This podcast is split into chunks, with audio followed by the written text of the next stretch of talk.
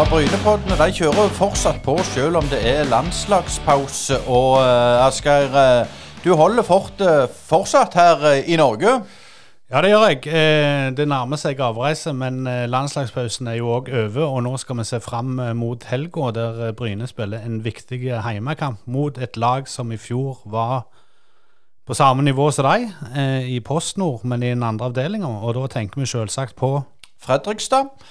Eh, og så var jeg òg eh, i Eigersund eh, i sist helg, på søndag, og så kampen Eik-Skeid, som endte 2-2. Der det er litt sånn intervju som vi har der, så vi får litt oppdatering hvordan den kampen var. Og ja, dagens hovedgjest det er jo Bjørn Johansen, og han husker du. Det gjør vi selvsagt. Markant skikkelse, ikke minst i Tromsø. Han hadde tre sesonger i Viking òg, vel. Men, men Bjørn huskes jo først og fremst for å være en slags Mista Tromsø. Og, og, det er jo litt fascinerende at han har slått seg ned på, på Østlandet. Eh, sånn en kar som, som er forbinder med Nord-Norge så sterkt. Vi får høre litt hvorfor.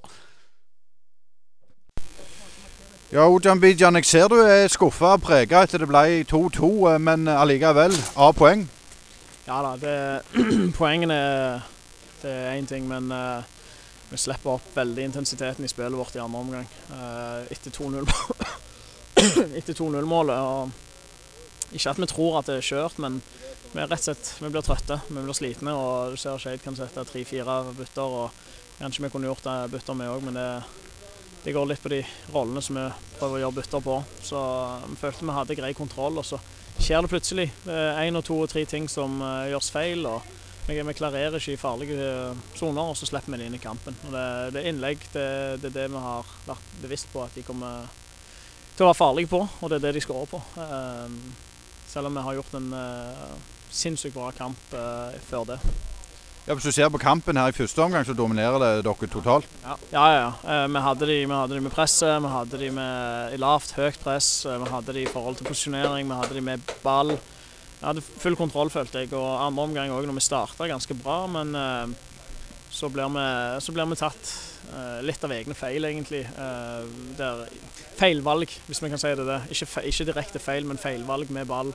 Vi klarerer ikke når vi burde. Vi er ikke kyniske nok i de enkelte faser, og så blir vi, blir for omstendelige, rett og slett. Så det er litt surt, men ja, vi må bare kjøre på videre. Det er jo noen personlige feil som gjør det blir baklengsmål, og da er det vanskelig å, å, å heve seg etter det.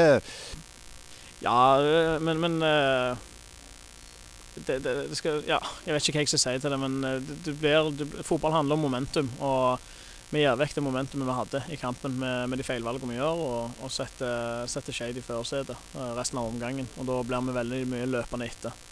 Det er ikke godt nok. Litt for mye nerver, kanskje, men ja. Burde, vi, vi, må se litt på, på kampen på nytt igjen for oss å ta en ny vurdering på og reflektere over hva, hva vi kunne gjort bedre. For vi må bli bedre til neste kamp igjen. Vi snakket med Morten Barre. Er det klart Han er fornøyd med det ene poenget. Men det er fem kamper igjen, og han sier begge lag kommer til å avgi poeng. Er du enig i det? Ja, jeg håper iallfall de avgir poeng. Så får vi se om vi gjør det. Jeg, eh, vi går på, og Vi må bare stå på. Eh, så tar vi det som det kommer. Jeg kan ikke, kan ikke spå ting, men det eneste jeg vet er at vi kommer til å trene knallhardt og være klar for hver kamp. Og så får vi telle opp etter det. Takk for praten og lykke til. helst. Takk for det. Vi står her med Morten Barre, 2-2 mot Eigersund. Morten, og Hvor viktig var det å ikke tape denne kampen? Nei, Det gir seg sjøl, i og med at vi er A-poeng og vi kjemper om direkte opprykk begge to. Så det var veldig viktig. Men du gjør tre bytter der som blir ganske avgjørende. En innbytter der så goller to. Og, og, før det så var dere litt, litt baktunge og sleit litt? Ja, det er klart det. Vi er veldig fornøyd med å komme tilbake fra 0-2. Og Gabriel og Ulrik det er vel samme fyr som har målgivende og scoring på begge to. De gjør et kjempeinhopp. Men hvordan tror du det blir i fortsettelsen? Jeg regner med du kommer med noen kjedelige svar. Det er fem kamper igjen, men, men hvor komfortable er dere nå etter denne uavgjorten her? Nei, Jeg er ganske sikker på at både vi og Egersund kommer til å gi fra oss noe poeng i innspurten. Så gjelder det egentlig bare å være skjerpa hele veien inn. Og du, Skal vi komme med noen tips? Hvem tror du har det letteste runden igjen? Nei, skal jeg si. Det blir begge, begge lag har tøffe matcher. Og nei, jeg tror det blir hit som opp. Jeg tror ikke det blir det som avgjør uansett. Sparebanken Vest er ikke som andre banker. Den største forskjellen er at det er du og de andre kundene som eier banken, og alle verdiene som skapes, de skaper vi sammen. Verdiene gir tilbake til deg og lokalsamfunnet i form av kundeutbytte til deg og samfunnsutbytte til lokalmiljøene. Hos oss vil du møte en personlig bank og få din egen dedikerte rådgiver. Enten du trenger en prat eller ønsker å fikse ting sjøl, så er vi lett tilgjengelige for deg. Ta gjerne kontakt med oss på spv.no. Håper du vil bli med på laget. Hei, det er Hanna Kvarneland fra Privatmegleren Jæren. Er du på boligjakt, eller vurderer du å selge boligen din? Vi i Privatmegleren Jæren er ekte lokalmeglere med spesielt god kompetanse og et godt fotfeste om boligmarkedet her på Jæren.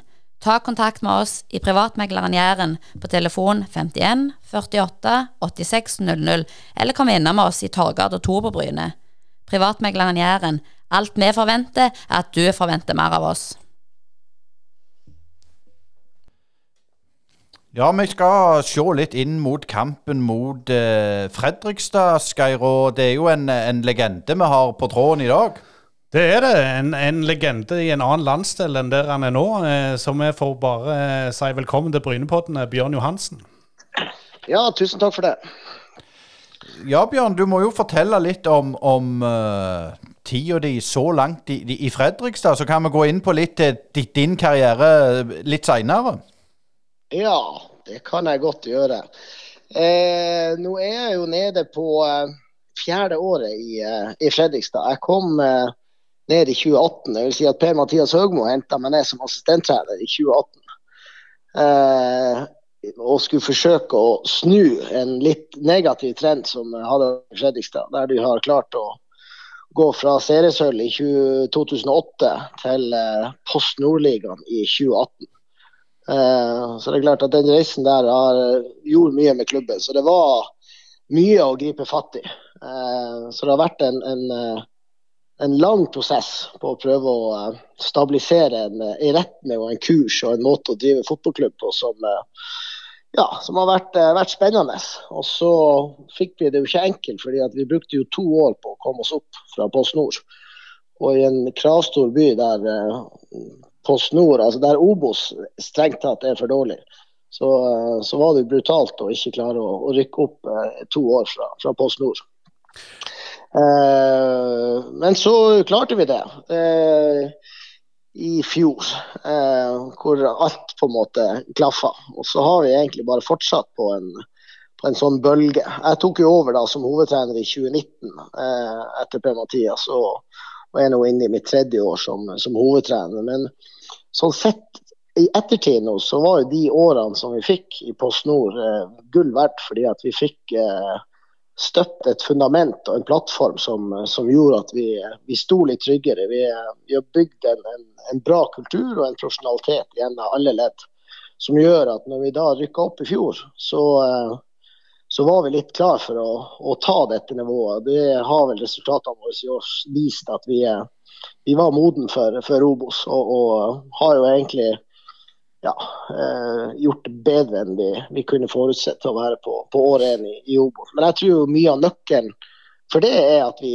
sånn, har jobba ganske profesjonelt over en lengre periode, selv om hverdagen var i, i Post Nord.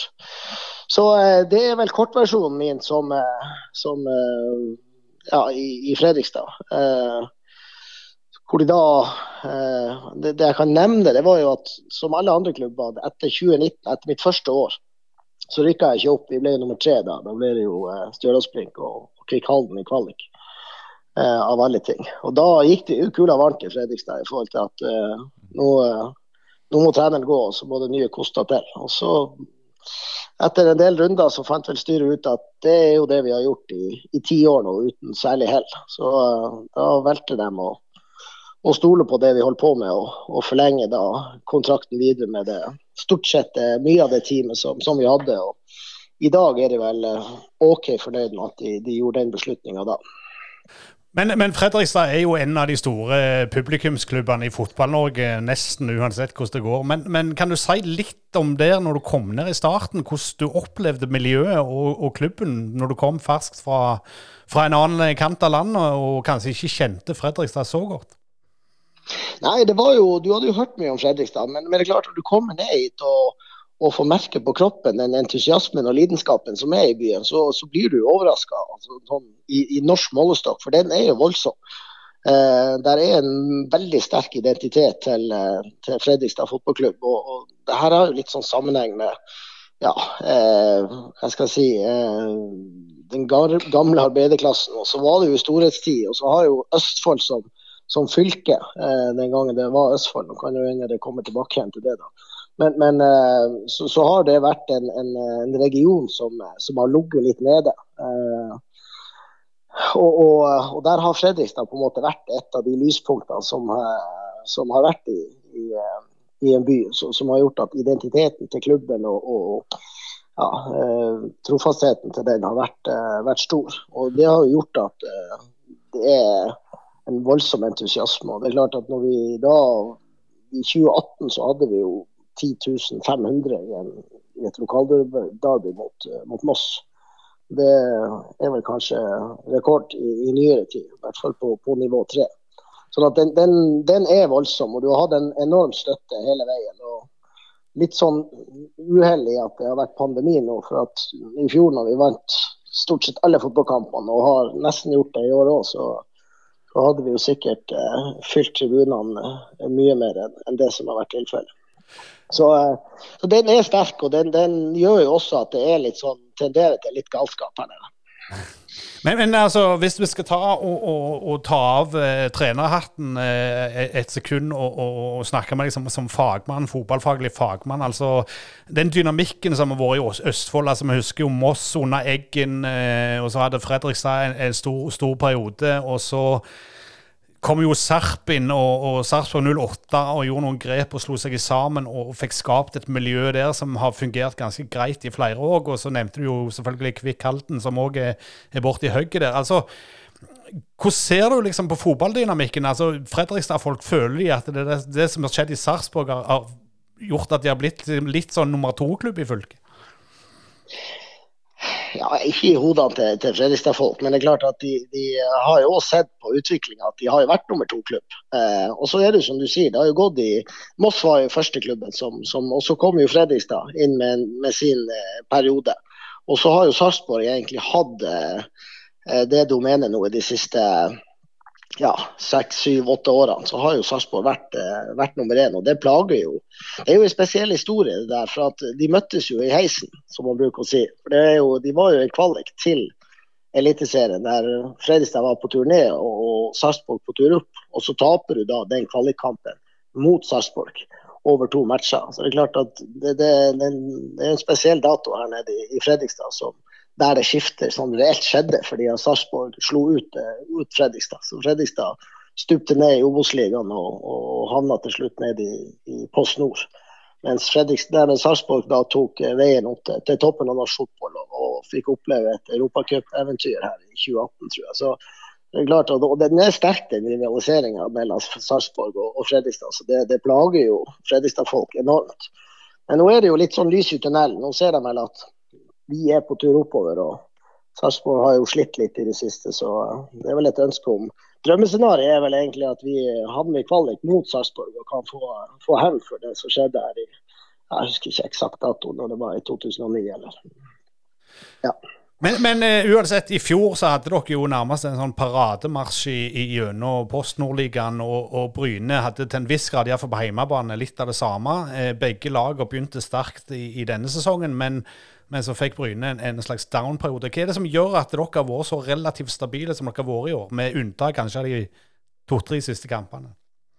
Ja, det, det, var litt to siste. For, for tre kamper så slo vi Start 6-2 borte, så, så den, den, var jo sterk. Men uh, de to siste har ikke vært Nei, jeg tror vi, jeg tror vi kan linke det til, uh, til det jeg var, sa litt i, i innledninga. Det at vi har jobba veldig sånn profesjonelt over en lengre tid. Vi har jo um, trent på dagtid og fått bygd en, en, en eh, toppidrettskultur. Uh, og, og, og, det tror jeg på en måte er nøkkelen til at vi har klart å ta Obos-nivået såpass uh, bra som, uh, som, vi har gjort. Og har en stabilitet i, i, prestasjonene våre. Det er for at vi har fått tid til å jobbe over tid med, med mye av de samme spillerne. Og, og ja, en, en, trener som som hadde en tanke bak det, hvordan det skulle gjøres. Så, det, jeg tror ikke det er noe mer sånn Det, det, høres lett ut, men det er ganske vanskelig òg, da. Så uh, det har nok gitt oss en, en, fordel. Og så kom vi inn i altså vi, vi, Etter det fjoråret der så ble vi litt sånn Følte nesten at vi var uovervinnelige. Og så starta vi med treningskamper i vinter hvor vi ja, vant alle kampene. Det var vel fem treningskamper og slo vel Mjøndalen 4-1 og, og Strømsgodset 6-1 i generalprøven både for oss og Strømsgodset. Så det var litt sånn at vi tenkte at uh, hvem er det som skal slås? Uh, og det har vi dratt nytte av. Et gjeng som har en voldsom selvtillit, men også en voldsom sult på, på hele tida å bli litt bedre i hverdagen. Som gjør at vi, vi pusher oss sjøl maksimalt for å bli litt bedre. Og det har vært litt sånn mantra hele veien. Vi vet at vi må bli bedre, og det jobber vi beintøft for hver eneste dag for å bli. Eh, du nevnte dette med toppidrettskultur. og det er klart det, Hvis du spør en, en gammel Bryne-fan eller en gammel Fredrikstad-fan om akkurat det, så mener du at det er toppidrettskultur i veggene. Det er der som regel ikke, men, men eh, hva var det du gjorde? Hva grep gjorde du når du på en måte innførte den toppidrettskulturen? Nei, det er, jo, det er jo sammensatt det her. Altså, for meg er det jo viktig å, å, når du skal bygge en klubb og komme, det er jo at man, man strukturerer det opp, at det blir eh, systematisk jobbing.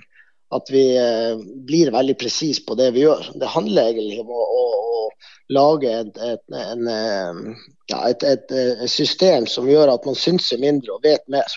Det er en tendens i fotball til at vi, det er litt for mye følgeri både i, i trenerrommet og i, i styrerom når det kommer til fotball. Men vi baserer veldig mye av det vi gjør på, på, på vitenskap. At vi, vi, har mye målinger. Vi vet nøyaktig hva vi, hva vi gjør innholdsmessig og treningsmessig. Og så har vi hatt et sterkt fokus på sånn utvikling og prestasjonsfokus. Der resultatfokus egentlig er satt litt sånn bak i, i, i, kø, sånn at ikke det blir sånn altoverskyggende. For det, dette er det jo mye forskning på i forhold til hva er det som som gjør en bedre. Og Da er dette å ha utvikling i, sentrum en, en, eh, en, veldig sånn sterk faktor. For det tar av både press og det tar av litt sånn hvor har du fokuset ditt, sånn at du virkelig kan bruke hver dag til å bli litt bedre. Så Det er litt sånne her mekanismer som vi har fått eh, ja, etablert i, i, klubben, og som gjennomsyrer mye av måten vi jobber på og måten vi snakker på. Som gjør at vi føler at vi, vi hele tida har, eh, har, utvikling i det vi driver på med. Og Da blir liksom resultatene et, et en konsekvens av den måten vi jobber på. Ofte er det jo sånn at når gode resultater, så kommer man liksom opp at nå skal vi gjøre det og nå skal vi gjøre det. Så vi har prøvd å snu litt på det. at Vi må på en måte jobbe på denne måten her, og så vet vi at hvis vi får det til over tid, så vil det gi oss resultater. Så, eh, og det var jo, Den ideen kom egentlig opp der for at presset i Fredrikstad er jo enormt. altså Forventningene er jo langt langt over det som er realisme. så at hver kamp har liksom blitt en sånn kniven på, på, strupen hele veien. Altså, når vi spilte uavgjort i Post Nord, så var vi jo nesten døde og begrava. Og når vi vant, så var det mer en lettelse enn at vi fikk energi for å vinne fotballkamper. Sånn at en del sånne her mekanismer du måtte begynne å snu i, uh, i, i, klubben. Og det har vi på en måte da klart å få, uh, få til. Og jobbe liksom etter en sånn rød tråd hele veien. Eh, nå er jo da både du og Per-Mathias eh, unektelig linka med Tromsø, og det holdt på å si han i starten av eventyret og du litt i videreføringa. Men, men, eh, du som trener, hvor mye har du lært av Per-Mathias, og hvor skiller dere lag på en måte i tenkinga? Eh, det jeg har lært veldig mye om, det er jo det jeg har snakka om nå. Det å, å, bygge klubb og hvordan du jobber i det daglige. Eh, der var jo Per-Mathias helt unik i forhold til å lage disse strategiene og, og jobbe ut fra en rød tråd på, på, på det.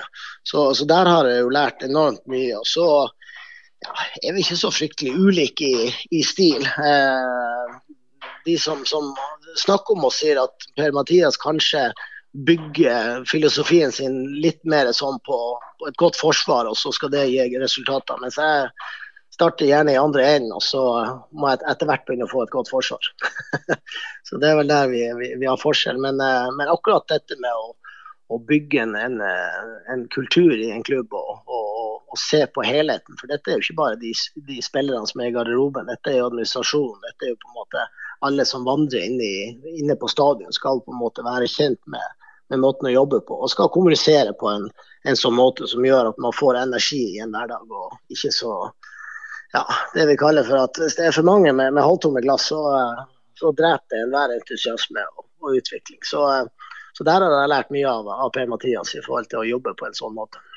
Men, men eh, litt om, om, eh, kulturforskjeller. altså Hvordan var det å komme ned til, til, Østfold, gamle Østfold, kontra det å være i Troms? altså Var det noen store kulturforskjeller som du la merke til sånn nokså raskt?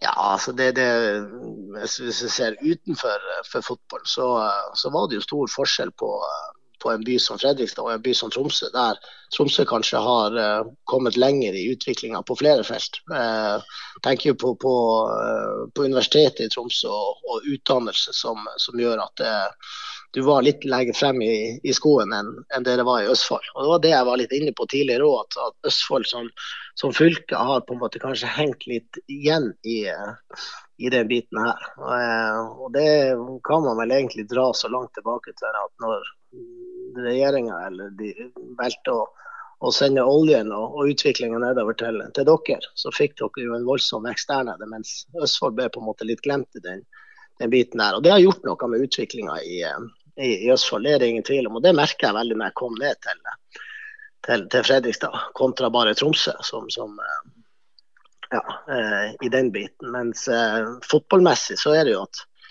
lidenskapen er jo enorm. Der du virkelig sånn kjenner at det, det, her betyr det enormt mye. Nå du, gjør du for så vidt det i Tromsø, det gjorde det den gangen jeg spilte i Tromsø. Det er jo litt sånn dalende den, den biten òg. Men i Fredrikstad så har han klart å beholde den, den entusiasmen og den litt galskapen som er, er, det herlige med å holde på med fotball. Vi må litt tilbake til, til din karriere, Bjørn. For det at du er jo sønn av en æresmedlem og en, en TIL-legende i Bjørn Steinar Johansen. Og jeg tenker litt på dette med press og sånn. Det er klart Når du begynte å spille um, fotball og var i finalen i Nørvag Cup i 1984 osv., osv. Var det gitt at du skulle bli fotballspiller? Ja, det, det, tror jeg. Jeg er imponert over researchen deres. De er de første som har referert til, til min far i en, i en, samtale. Men eh, ja, jeg fikk det vel inn med morsmelka, det kan man trygt si. Det, på, på, en fin måte. Det, jeg var jo ganske ung da jeg så min første tilkamp og, og var tidlig inne i inn i, eh, inn i garderoben til, til Troms idrettslag. Det var ikke gamle gutten. så det, det, det, har vært en del av, av, eh, av meg hele, hele livet. Eh, så, så, at jeg ble fotballspiller av meg, det, det var vel en naturlig ting. Og, og, sånn som jeg husker det, så, så var det kun, kun glede knytta rundt det. Det var aldri noe press på at du måtte det ene eller det andre. Men det var jeg er vel en sånn, sånn løkkegenerasjon som, han var veldig mye på Løkka. og Når jeg tenker etter på trenere som jeg har hatt opp gjennom tida i forhold til det som er i dag, så, så er man jo litt sånn, sånn self-made. Men uh, mye lærdom fikk jeg av at jeg var med de som var litt eldre enn meg i en ganske tidlig fase, som gjorde at jeg ja, fikk en bra utvikling. og debuterte vel så det er allerede som 17-åring for, for Tromsø. Så ja, det, det, var mye fotball, og det er mye fotball fortsatt. Og det er en stor del av, av livet mitt. Jeg, jeg, jeg har researcha litt enda litt mer. for Det står det at du, du, bare var fotball. Det var ikke noe andre idretter. Det var gjerne ski og sånn, men, men, det var fotball på Løkka, stemmer det? Ja, det var fotball på Løkka. Så foreldrene våre prøvde å lure oss ut på ski, men da tok vi bare en runde i skiløypa, så steg vi sport på Løkka og sparka på. på. Så det, det, det, var umulig å styre unna. Så eh, det ble altoppslukende. Nå, nå, kan vi jo skape noen myter. Dere måtte grave fram banen på vinterstid og sånn, men det skal vi ikke gjøre her. Men, men du tilhører jo 69-generasjonen, som er jo en av de generasjonene altså Det ble jo Drillos-generasjonen var enormt mange av den 69-gjengen. altså Hvor nærme var du òg å, å, å, komme inn i den landslagsdiskusjonen da når du var ung og, og lå i vannskorpa der? Ja, det vil jeg jo si at det, det, Jeg var jo nær, så jeg spilte jo sammen med de guttene til vi var 21. Det var et sånn OL-landslag som var så sent som i 1990 i, i lag, og et junior-VM i 89. Hvor jeg tror 60% av det laget der var landslaget som eh, som eh, ja, eh, slo igjennom på, på 90-tallet med 94 og 98. Så du var jo helt oppe i vannskorpa der. Og så var det sånn at det var tøff konkurranse, og så fikk du aldri den eh, Det ble akkurat den, den, den ekstra som, som, ikke fikk være med på, på den moroa. Men det var en tøff konkurranse i den perioden der. så vi får, uh, får, trøste oss med det. Selv om det selvfølgelig hadde vært hyggelig å, å være med på det. Ja, for det, det, du er jo en av de få av den generasjonen som har vært med på landslagssamlinger og ikke hatt landskamper. Men så tenker jeg på, når du ser tilbake, burde du reist ut fra Tromsø tidligere? Du, du havna jo til slutt på Vestlandet i, i, Viking og en liten tur i, i Helsingborg. Men er det noe du har tenkt over det i ettertid, at du skulle reist ut tidligere? Ja, det, man har gjort seg mange refleksjoner, så vet man aldri hvordan det ville ha, ha gått. Men eh, eh, det var vel mer det at når jeg reiste ut eh, til Stavanger og, og Viking, så eh, kunne jeg godt ha, ha fortsatt og, og, vært ute. Kanskje burde jeg ha dratt videre i den perioden. Eh, I stedet så, så, dro jeg hjem til Tromsø igjen før jeg dro ut til, til Helsingborg igjen. Så kanskje akkurat ved det veiskillet der kunne jeg vel ha muligens søkt litt, eh, litt, tøffere utfordringer ut i eventuelt i, i Europa, som, som, kunne vært en mulighet. Men, eh, men, så ble det ikke. Det ble, eh, det ble tilbake til Tromsø, og så fikk jeg da en periode i, i Helsingfors. Da begynte jeg å bli ganske godt voksen. Så, så akkurat i det skiftet der, fra jeg var i, i Viking til, til, reisen videre, så kan det godt hende at det hadde vært lurt. Men jeg tenker jeg har vært så privilegert å, å få spille så mye i, norsk toppfotball, i svensk toppfotball og Champions League med, med Helsingborg at eh, jeg har ikke så mye å klage på når det gjelder akkurat det. Eh, du kom jo til Viking året etter de eh, ble seriemester, og, og, det er jo på en måte et vannskille i norsk fotball. For det er jo da Rosenborg begynner å feste grepet for alvor og, og bli eh, den klubben som mest vant uansett utover 90-tallet. Men hvordan var møtet med Viking og, og den tida de der? Nei, det var, det var, helt supert. Det var et fantastisk miljø i, i Viking og noen fantastiske folk. Så jeg hadde to supre år der. Og vi hadde jo et meget godt fotballag. Egentlig litt skuffende at vi ikke klarte å, å vinne ett av de årene der. Jeg føler at vi var på høyde med, med Rosenborg, men de hadde fått det, det lille overtaket som gjorde at de ja, de rulla videre. Så vi ble vel nummer to eller nummer tre, hvis ikke jeg husker helt feil der. Så ja, men, men, perioden min i, i Stavanger og, og, Viking, det har jeg nesten bare gode minner fra. Det var to, to herlige år. Var det noen spesiell grunn til at du ikke ble lenger enn to sesonger, eller, eller var det bare sånn var veien i, i fotballivet den gang? Nei, det var vel eh, nok en gang liksom kjærligheten til Tromsø. For det, de var på tråden og litt sånn desperat å få deg hjem igjen, så var det vel kanskje litt for, for soft og litt for, uh, hadde litt for mye forkjærlighet for, for, det du hadde der, som gjorde at jeg reiste tilbake igjen. Det var jo ikke noe for at jeg verken trivdes eller Jeg spilte jo mye nede i, i Viking. så og det, det, samme var jo med når jeg var i Helsingborg, for da rykka de jo ned til, til førstevisjon. Og, og da henta de meg òg hjem fra Helsingborg ett år før kontrakten gikk ut der nede. Hvor jeg òg hadde egentlig Ja, jeg har ikke vært meg imot ha vært enda lenger der, men uh, det var med, med Tromsø og kjærligheten til dem som gjorde at jeg, jeg måtte hjem igjen.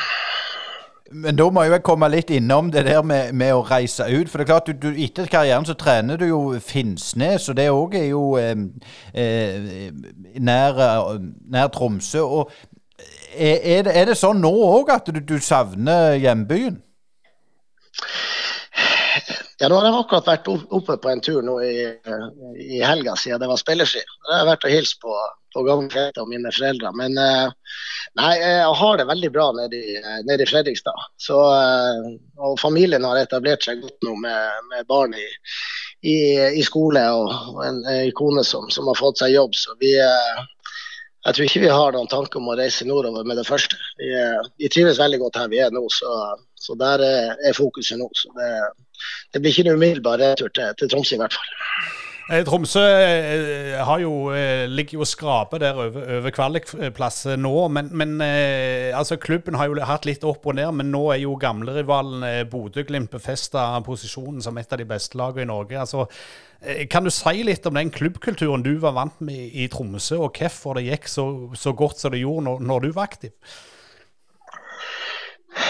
Ja, det, det, her er jo ikke noe sånn uh, eksakt uh, vitenskap og, og gjette hvorfor ting går som det går. Men jeg er jo veldig sånn opptatt av eh, den identitetsfølelsen. Altså hvorfor ser Bodø-Glimt ut som de gjør, eller hvorfor ser Rosenborg ut som de gjør, eller hvorfor ser Barcelona ut som de gjør. At det er noen sånne sosiokulturelle ting som gjør at eh, man, man, spiller sånn som man gjør. og Som jeg husker min tid i Tromsø, så var det jo at vi man var noen sånn, altså man var jo underdog i de fleste sammenhenger, men det var noe sånn samhold og innsats og, og, glød og entusiasme over det som ble gjort der oppe. og Det skulle i hvert fall være ondt å møte Tromsø, selv om det kunne spilles fin fotball. så og akkurat den der biten har vel Tromsø mista på, på, reisen en eller annen plass. Og vært litt sånn litt identitetsløs. Hva, hvem er de, og hva skal de stå for? Og Da tror jeg du liksom har mista ja, en del tilhengere på, på, den reisen også. At det er de som på en måte identifiserte seg litt med det, de ja, visste ikke helt om det, det, var det de skulle identifisere seg med. Så eh, jeg tror veldig sterkt på det, hvis du skal på en måte ha en, en, en klubb som skal fungere over tid. At du har en sånn sterk identitet, og at du bygger på den her, det samholdet som er i, i, i regionen eller i landsdelen som, som, er der. Da, da, tror jeg du får noe sånn vi mot dem-følelse. Og Det var det vi hadde på, på 90-tallet oppe i Tromsø. Det var liksom vi mot uh, de sørsa, og vi skulle vise at vi var, vi var like gode. Jeg husker på at Nordnorsk fotball fikk jo ikke lov å konkurrere før jeg tror det var 78. Mjølner var vel oppe i 72 en gang, for første gang på høyt nivå. Så hele tida vært en sånn ja, sterk identitet på å vise at man kan få ting til i nord. og Den, eh, den preger oss i, i, stor grad. Og så har ikke jeg vært tett nok på, på Tromsø-miljøet til å vite eksakt hva som, som skjer. Men den identitetsfølelsen, som jo Bodø-Glimt har, og Rosenborg med flere, de, eh, de, har en veldig sterk identitet på hvem de er og hvordan det her skal se ut. Så eh, det, det tror jeg er lurt for, for alle klubber. Eh, Tromsø er jo, eller var jo iallfall eh, hele, hele Nord-Norges lag en periode. Og, og der er jo kanskje noen sånne andre. altså Du har jo Trøndelag i Rosenborg og, og Start Sørlandet osv. Men, men der du er nå, der er det jo eh, hver bygd eller hver by sitt lag. og Hvordan er den forskjellen der, syns du? Ja, det, det, er jo flere om det. Men, men eh, vi prøver jo veldig sterkt nå på en måte å bygge opp en identitet basert på litt sånn historikk som har vært nede i Fredrikstad. Det er jo en, er jo en stor klubb med en, med en, fantastisk historie, selv om den nyere historien ikke er så, så berikende. Så er det jo egentlig å, å, plukke frem en del av disse tingene her. Og, og, og, her er de jo opptatt av at det skal spilles angrepsfotball, at det skal underholdes og at det skal skåres mye mål. Det, og det har på en måte, det tror jeg er viktig å ta hensyn til når du skal pensle ut en, en filosofi og hvordan laget skal, skal, se ut. Så eh, jeg tror det blir vanskelig for meg å, hvis vi skal sammenligne det med kanskje HamKam, som baserer det på en, en, en 5-3-2 eller en 3-5-2 og, og, veldig sånn, sånn, sterk defensiv struktur i det de gjør, og, og spiller på stor sikkerhet. Det, da, da, tror jeg vi hadde mista mange på veien. Så sånne her ting tror jeg du må ta hensyn til. Det tror jeg er, er viktig. Og det, det har vel Rosenborg òg fått, eh, fått, oppleve i forhold til at de har blitt seriemestere med å spille 4-2-3-1, men det ble vel aldri akseptert. Og så er jo den tallkombinasjonen litt sånn på tur ut, men mer om du er et, et lag som, som, skaper underholdning og, og, ønsker å skåre mye mål, eller om du ønsker å spille på en litt tryggere måte. Med, ja, så, så, så den identiteten prøver vi å få tilbake i, og, og, skape her nede i, i Fredrikstad. Og så ja, har Sarpsborg sin måte å gjøre det på. Det er vel de to klubbene som, som på kort sikt nå kan være med å prege norsk toppfotball. Men Hvor mye tror du den eh, jeg på å si, tallkombinasjonen er viktig når du skal, skal, rekruttere spillere? Er det noe de er opptatt av det, sånn som du ser det? Nei, Tallkombinasjonen er jeg ikke så opptatt av, men jeg er opptatt av type spillere. Hvilken type egenskaper man skal ha basert ut fra kanskje en tallkombinasjon. Eh, så vi er jo et, et 4-3-lag på en litt sånn annen måte enn den klassiske 4-3. Men, men, det er mer eh, hvordan du løser de ulike rollene. Hvilke egenskaper skal, eh, skal de ha. Så, så, Det er vi veldig sånn tydelige på. Det er helt avgjørende når vi skal rekruttere spillere. Da må du ha visse typer egenskaper, og så er det kanskje det viktigste av alt, du må være trenbar du må tåle å trene mye og vise det på en historikk at eh, de siste to-tre årene så har det at du er en spiller som gjør det. det sånn tenker vi i hvert fall her nede i, i Fredrikstad. Litt sånn som du sjøl var? Litt sånn som jeg sjøl var, ja. Så det det har liksom min identitet som, som spiller. Altså det, det, det, skal i hvert fall aldri stå på, på, på, på innsats. Altså det, mine lag kommer bestandig til å til å løpe mye og ha stor kraft i, det de foretar seg. Og jeg spiller gjerne fin og, og, og, og sånn pen fotball, men uh, det, må, uh, det må kunne ta seg takling hvis det er behov for det. Uh, må det aldri være tvil om.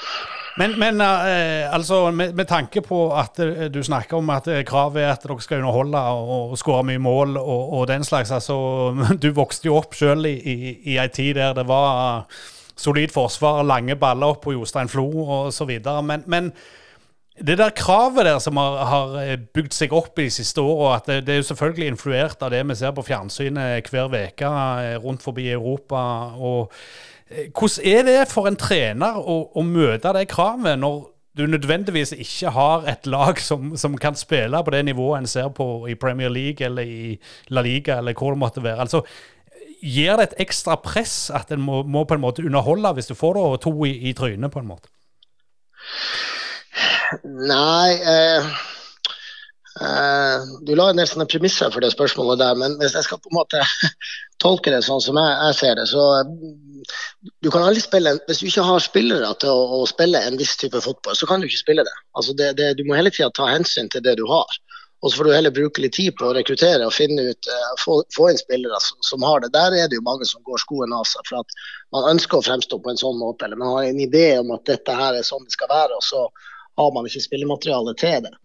Uh, og så um, ja, tror jeg ikke at det, jeg tror det sånn, Internasjonal fotball er mer til en sånn inspirasjon i forhold til hvordan gjør de beste det. Og så vet alle at det er ikke bare å, å, å kopiere det, for det er sammensatt. Men, men, den største forskjellen nå er jo egentlig at det, eh, det går fryktelig fort i, i internasjonal fotball. og så er det enorme fysiske krav som, som stilles i dag til, eh, til, det. Vi trener jo mye og vi, vi, vi i Norge også, men, eh, men, men eh, det blir, det blir liksom, industrien er blitt så stor, og klubbene har så store ressurser. for at Hvis du skal spille en type fotball som de, de beste borti England gjør, eller borti Tyskland, eller noe annet sånt, så krever det så enorm kapasitet for å, for å gjøre dette her. Og Da må du ha et apparat rundt deg. Du må ha et fysisk apparat, du må ha et medisinsk apparat, du må ha kost og ernæring. Og det er jo her vi på en måte sakte, men sikkert blir akterutseilt i, i, Norge. For at vi, eh, vi eh, de henger etter. Og nå eh, er på en måte de danske klubbene bra langt foran oss. Eh, og, og så er det vi og, og, Sverige som er kanskje litt like. Men, men, men, det er klart den industrien her reiser av gårde.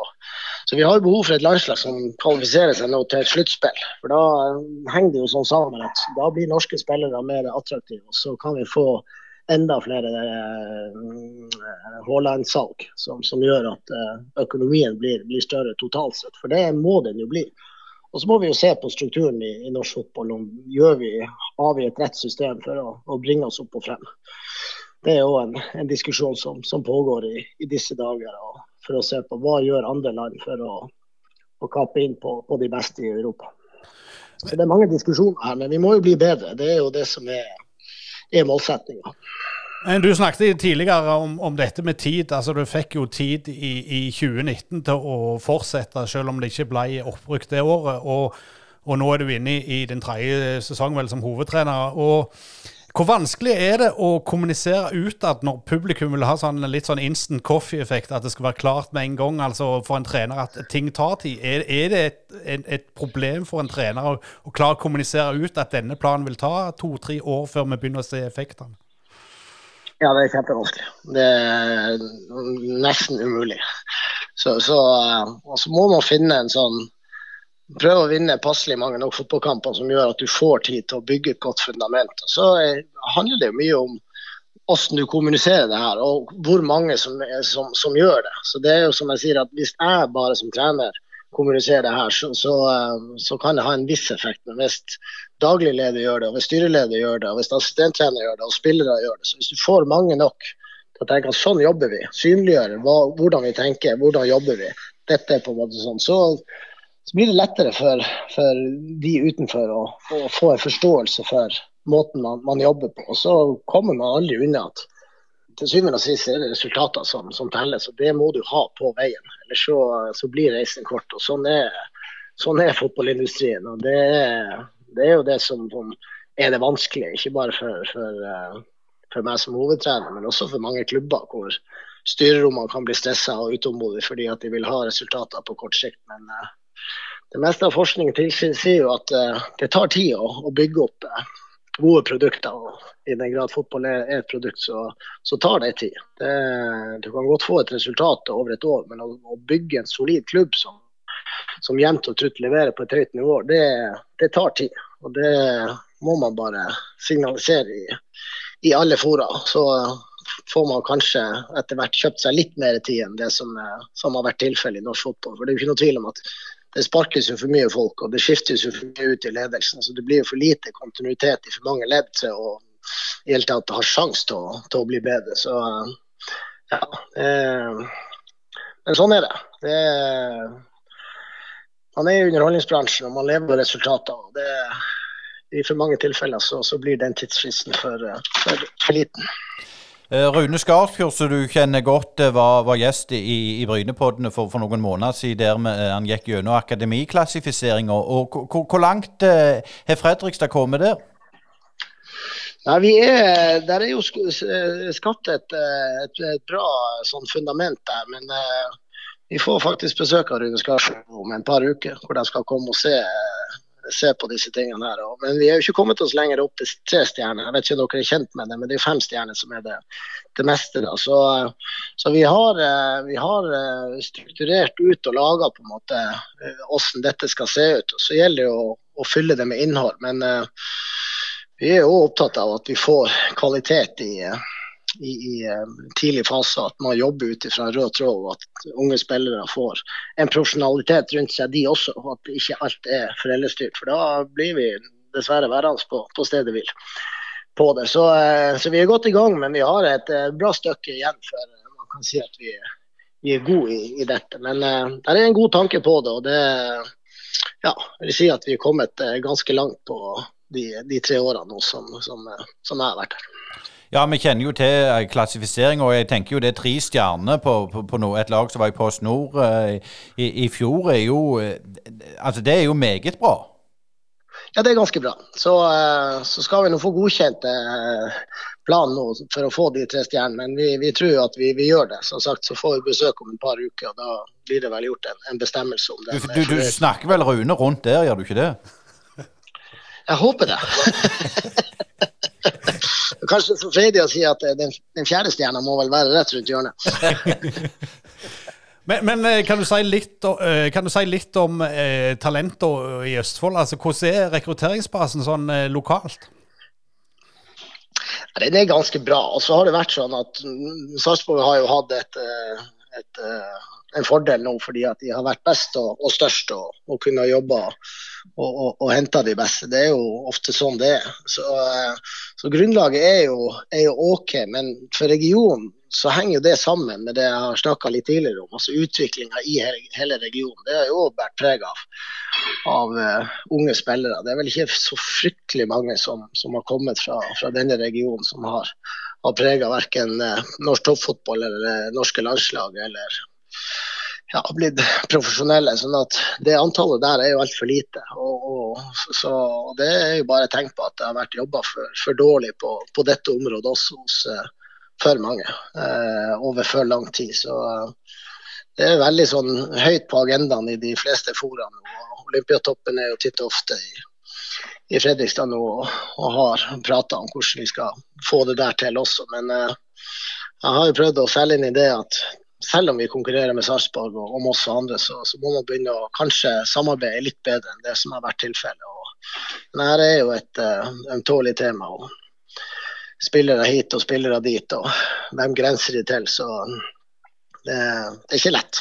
Det er en never ending story, akkurat det der. Men hvis vi, hvis vi går litt inn til, på, på, kampen på lørdag klokka tre mot, mot Bryne, hvordan ser de sitt uh, Hører du meg nå, eller? Sitt, uh, ja, nå hører jeg det. Ja, inn, inn, mot kampen uh, nå lørdag klokka tre. Hvordan um, er gruppa di? Er det noe skada, eller hvor fitt er dere?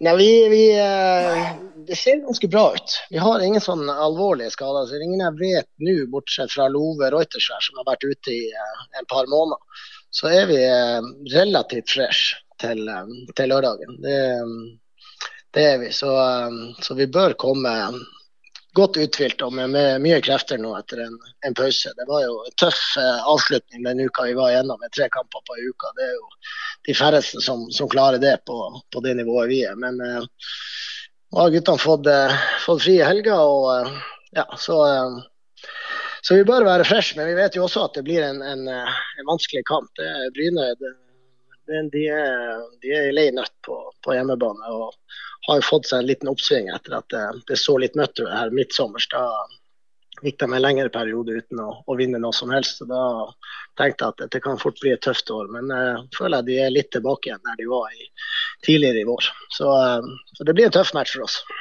Men sånn så den landslagspausen som har vært nå, altså du får stopp i, i rytmen og takt selv om det var et tett program. altså Hva gjør det? Har det mye å si, tror du? Jeg tror det, det, der varierer. Hvis du vinner fotballkamper inne i en god stim, så vil du helst bare fortsette å spille. Uh, har du litt skader litt utfordringer, så kan det være sånn. Så jeg tror det slår ulikt ut på, for, for, ulike lag. Noen har behov for å få en pause og samle krefter, mens noen har bare lyst til å ha den rytmen og, og holde det i gang. Så uh, ja, jeg er mest glad når man kan holde ting i gang, så fremst at det, det er forsvarlig. Eh, får man en liten pause, så skal du bygge det litt opp igjen. og Bestandig bli litt sånn urytmisk i, i den perioden der. Men eh, nå har vi jo fått litt, eh, litt trening i akkurat den biten òg, så, ja, så, så, jeg tror det er ulikt fra, fra lag til lag hva de, hva de foretrekker.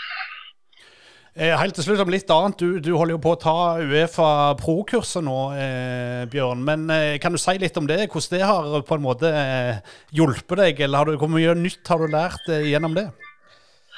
Jeg tror at det er så, så intensivt. Vi har hatt to samlinger nå, og det går jo over fem dager. Så det er enormt mye input. Så jeg tror at utnytte og det vi sitter igjen med, det tror jeg eh, man må oppsummere når man er ferdig med det. Så det er alltid små drypp man, man, får underveis, men, men, det er veldig mye på, på kort tid som skal, skal, inn. og så eh, vil jo det eh, sette seg, men jeg tror også at man må bruke litt tid på å absorbere mye av det som, skjer. Men det, det, som er det spennende, det er jo at det er mye dyktige, dyktige folk som du får lov å diskutere fotball med. og det er jo flere i ja, Vi har jo Viking, Morten i Viking og Kjøn i Stabæk og ja, to gutter fra Odd. Så at du får på en måte litt sånn erfaringsbaserte diskusjoner i forhold til, til ulike tematikker som er, som er, veldig spennende og veldig sånn fruktbar. Hvor, hva tenker de, hvor er de i de ulike fasene av det å, å bli bedre. Så det, det er nesten det mest innholdsrike. Og så skal vi jo ende en del sånne tekniske ting som metodikk og ledelse og,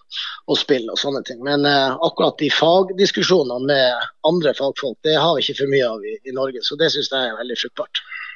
Ja, Bjørn, du er jo en enkel sjel fra nord, så det skal jo noe til å få, få, med seg alt som blir, blir predika på disse kursene. Men, men, men du, litt til slutt til deg. Du har jo et kuppgull fra 96 blant annet. Men, men dette kallenavnet ditt er Bummen. Altså det er Bjørn Bummen Johansen. Det må du fortelle. Hva er det for noe? Ja, og det, Der er det enkle svaret at det har jeg ikke forklaring på. For jeg vet ikke hvordan det har dukka opp. Jeg har ingen historie knytta til det, bortsett fra at plutselig så var, begynte det å frekventere i aviser. Eh, det er jo en som tidligere heter Bummen i Tromsø, som Bjørn Hansen. Han var jo eh, utenrikskorrespondent i, i, NRK da. Han heter eh, Bummen. Men det ingen som klarer å linke det til han heller. sånn at det er egentlig et lite mysterium, akkurat det, det Bummen-navnet. Så jeg har slengt ut noen sånne historier, at min bror kanskje var det. Men eh, hver gang jeg sitter og prater med han om det, så klarer ikke han heller å erindre eh, Bummen-historia til det. Så uh, det er egentlig litt sånn merkelig, men eh, plutselig så brukte alle det i fotballsammenheng. Og så ble det skrevet mange ganger nok i avisa til at det, det ble kallenavn. Så det var den fascinerende historien der. Fantastisk historie. Tusen hjertelig takk for du stilte opp i Brynepoddene, eh, Bjørn Bummen Johansen. Ja, det er bare hyggelig. Takk for praten. Sparebanken Vest er ikke som andre banker. Den største forskjellen er at det er du og de andre kundene som eier banken, og alle verdiene som skapes, de skaper vi sammen. Verdiene gir tilbake til deg og lokalsamfunnet i form av kundeutbytte til deg og samfunnsutbytte til lokalmiljøene. Hos oss vil du møte en personlig bank og få din egen dedikerte rådgiver. Enten du trenger en prat eller ønsker å fikse ting sjøl, så er vi lett tilgjengelige for deg. Ta gjerne kontakt med oss på spv.no. Håper du vil bli med på laget. Hei, det er Hanna Kvarneland fra privatmegleren Jæren. Er du på boligjakt, eller vurderer du å selge boligen din? Vi i Privatmegleren Jæren er ekte lokalmeglere med spesielt god kompetanse og et godt fotfeste om boligmarkedet her på Jæren. Ta kontakt med oss i Privatmegleren Jæren på telefon 51 48 86 00, eller kom innom oss i Torgata 2 på. Privatmegleren Jæren. Alt vi forventer, er at du forventer mer av oss. Ja, da har vi fått eh, skikkelig god prat med en, en eh, kjekk kar som trener Fredrikstad. Og Asgeir, det var eh, kjekt. Jeg husker jo Bjørn veldig godt sjøl, så det var, var stas å få han i tale, og, det, og, og mange gode, fornuftige tanker. Ja, og så er det kjekt å se at folk som, som har vært gode spillere, òg kan gå i en trenerrolle og, og, og få suksess. Han måtte nok rett nok vekk fra, fra sitt kjære Tromsø, men men det han har gjort i Fredrikstad, iallfall de to siste sesongene, har jo vært meget bra. Og, og de er jo med i toppen der, og ser ut som de klarer iallfall en kvalikplass. Ja, ja du, du, er der, ja. Jeg, jeg, har jo sagt liksom jeg tror ikke de klarer det, men du tror det? Ja, jeg tror de klarer å være med i, i kvalikspillet. Det tror jeg. Om, om, de klarer den siste kvalikpassen, det vet jeg ikke. Men, men altså, de, de, er jo med i den toppgruppa, og de har jo vært stabile i, i sesongen. Som han sa, bortsett fra de to siste. Men, men det blir en tøff kamp på, på lørdag, og, og, for Bryne så handler det jo selvfølgelig om å få tre poeng. Eh, de har ikke mer poeng enn de, de må ha, så, så hvert poeng teller. Det var det vi hadde for uh, denne gang, og tusen hjertelig takk for du følger oss på Brynepodden.